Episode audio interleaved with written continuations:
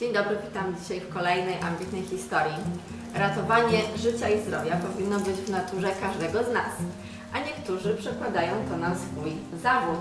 Dzisiaj jestem z, Patrycjuszem. Dziękuję Ci bardzo za to, że zgodziłeś się na to, żeby ze mną porozmawiać i zainspirować swoją historią.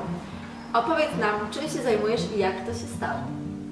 Czym się zajmuję, to jest długa historia. E, Zawsze chciałem ratować życie No e, właśnie. ludzkie, e, więc wybrałem sobie taki zawód, który pomaga mi realizować moją pasję. Nie tylko doraźnie ratuję inne osoby, ale także zapobiegam temu, żeby te osoby trzeba było ratować. Ze względu na to, że zajmuję się też bezpieczeństwem i higieną pracy w wielu, wielu przedsiębiorstwach. Mhm. Jesteśmy właśnie po mini kursie pierwszej pomocy, e, za co jestem Ci bardzo wdzięczna, bo faktycznie no, ta, taki, taki zawód, czy taki styl życia właściwie, bo powiedziałeś o tym, że, że zawsze o tym marzyłeś i robisz to faktycznie, e, prowadzisz różne kursy, jest e, mega ważny, mega inspirujący, dlatego bardzo Ci za to dziękuję. Ale czy od zawsze tak było? Jak, jak wyglądała ta droga, że, że właściwie faktycznie robisz to, realizujesz te cele? No, na początku było bardzo ciężko, ze względu na to, że ciężko było znaleźć osoby zainteresowane tego typu rzeczami, tak? Jakby nie było, no to samoświadomość e, każdego z nas jest, jest na tyle ważna, że im bardziej starałem się wypromować, to, tym, tym lepsze efekty to przynosiło. Wielokrotnie wystawiałem się jak najbardziej tutaj w, w Legionowie czy, czy w okolicach. Prowadziłem obstawy medyczne z fantomami, ludzie mogli sobie poćwiczyć, poznawali jak ważne jest udzielanie tej pomocy. No właśnie, bo tak nam się wydaje, że to jest ratowanie zdrowia i życia, czyli dotyczy no, to każdego z nas. Okazuje się, że statystyki są straszne i jak ja o nich poczytałam, to po prostu włos mi się na głowie zjeżył. E, I bardzo często zamiast zainwestować w jakiś kurs, jak rozmawialiśmy o tym, że, że co jakiś czas można sobie zrobić, e, to inwestujemy w głupoty wręcz, które są po prostu nam niepotrzebne, a zapominamy o tym i dopiero sobie uświadamiamy, kiedy albo my potrzebujemy pomocy, albo ktoś z naszych bliskich, prawda? No niestety, w okręgu warszawskim można powiedzieć, że jest od, odratowanych na każde tysiąc osób około 5%. To jest bardzo mało, ze względu na to, że nie udzielamy tej pomocy, boimy się. Nasze społeczeństwo jest przeświadczone, ok, ktoś leży, pewnie pijany. Nie bójmy się podejść, sprawdzić. Jeżeli jest pijany, ok, zadzwonimy na służbę. E, Jeżeli boimy się spóźnić do pracy, no to chciałbym tylko przypomnieć, że mamy obowiązek prawny Tak. niesienia pomocy. E, Każdy pracodawca musi uwzględnić to, że udzieliliśmy pomoc, pomocy osobie poszkodowanej. I nie możemy być za to ukarani. W dzisiejszym tempie życia na to właśnie zganiamy, na, na to, że, że, że nie jesteśmy w stanie, zapominamy o tym, nie chce nam się i myślę, że to jest, y, ja sama przyznaję się do tego, że to jest czasem po prostu nasze lenistwo, za które później e, są konsekwencje, tak jak mówisz, prawne, ale też takie moralne. Myślimy o tym, jeżeli mm, nie, nie zwrócimy uwagi na taką sytuację, takiego człowieka, to później będzie w naszej głowie i po prostu zastanawiamy się nad takimi sytuacjami dopiero później. E, powiedz mi o tym, prowadzisz fanpage'a na Facebooku, robisz kursy, e, uświadamiasz ludzi, z czym można się dokładnie do Ciebie zgłosić? W zasadzie ze wszystkim, co dotyczy pierwszej pomocy, bezpieczeństwa i higieny pracy czy ochrony przeciwpożarowej. Te trzy tematy są ze sobą bardzo blisko połączone, bo jakby nie było, e, ostatecznym celem jest e, zdrowe społeczeństwo. Żywe. Tak. Żywe, zdrowe społeczeństwo.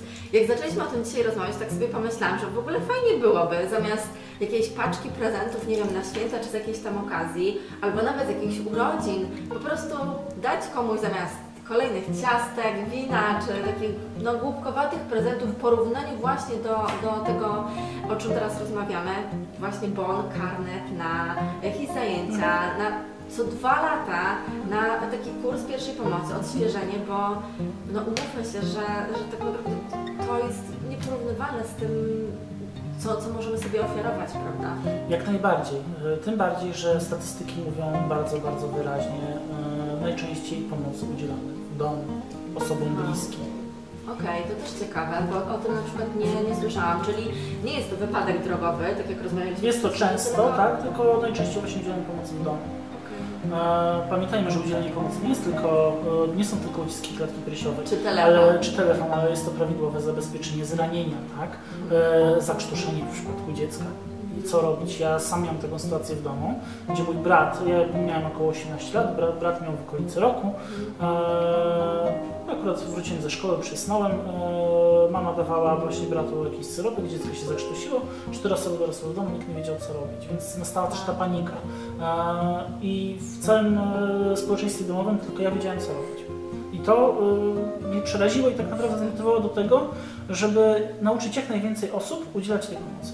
Tak, bo ta pierwsza pomoc, jak sobie myślimy, to ja na przykład powiem Wam coś takiego, że to jest właśnie sytuacja, wypadek, e, uciskanie klatki, właściwie tylko to, a jest mnóstwo przypadków, tak jak mówisz. Wczoraj, e, jak przy naszym spotkaniu, no, chciałam się trochę przygotować, żeby dobrze też wypaść przed Tobą, e, no to poczytałam o różnych sytuacjach, tak jak mówisz, właśnie złamania, zwichnięcia, poparzenia, o których też e, ostatnio czytałam prostu poparzyła całe nogi, była z małym dzieckiem, nie wiedziała w ogóle co zrobić. E, właśnie zakrztuszenia, też mam e, różne obrazy z dzieciństwa, gdzie po prostu mój brat się wielokrotnie krztusił do, do góry nogami, coś tam jakieś dziwne rzeczy mu, mu robili. Ja nie wiem, czy to było dobre. Do dzisiaj nie wiem, czy, to, czy oni się dobrze zachowali, moi rodzice. No, żyje, pomogli mu, ale y, mając teraz na przykład w przyszłości dziecko, no, no chciałabym być na tyle świadomą, żeby Robić. Sytuacja, o której mówisz, jest bardzo często spotykana u rodziców. Za nogi do góry i próbujemy wytrząsnąć. Tak. E, niestety możemy wyrwać chociażby nogi ze stawów. E, ta pozycja odkrztuszenia jest nieergonomiczna. Najlepiej jednak złapać to dziecko za żuchwę, przegiąć przez kolano jak najniżej ziemi i uderzać w okolicę międzyłopatkową. To jest najbardziej skuteczne. E, Okej. Być może w późniejszej fazie będziemy mogli zaprezentować e, kilka takich podatnych trików. No właśnie, bardzo bym chciała zorganizować może coś wspólnie, ale przede wszystkim cieszyć, e, jakby promować ten styl życia, o którym mówisz, abyśmy byli coraz bardziej świadomi, aby coraz więcej było takich informacji, żebyśmy czuli się właśnie tak, tak pewnie w tym, że jesteśmy w stanie pomóc i jeżeli my będziemy to robić, to może nasi znajomi pójdą też za tym i kiedyś pomogą też nam, bo chodzi też o to, żeby było jak najwięcej osób e, świadomych i pomocnych, więc bardzo Ci dziękuję. Podlinkuję Cię, więc śledźcie Patrycjusza koniecznie, e, bo tutaj w naszej okolicy robi cudowne rzeczy, więc warto e, takie inicjatywy wspierać. Dzięki.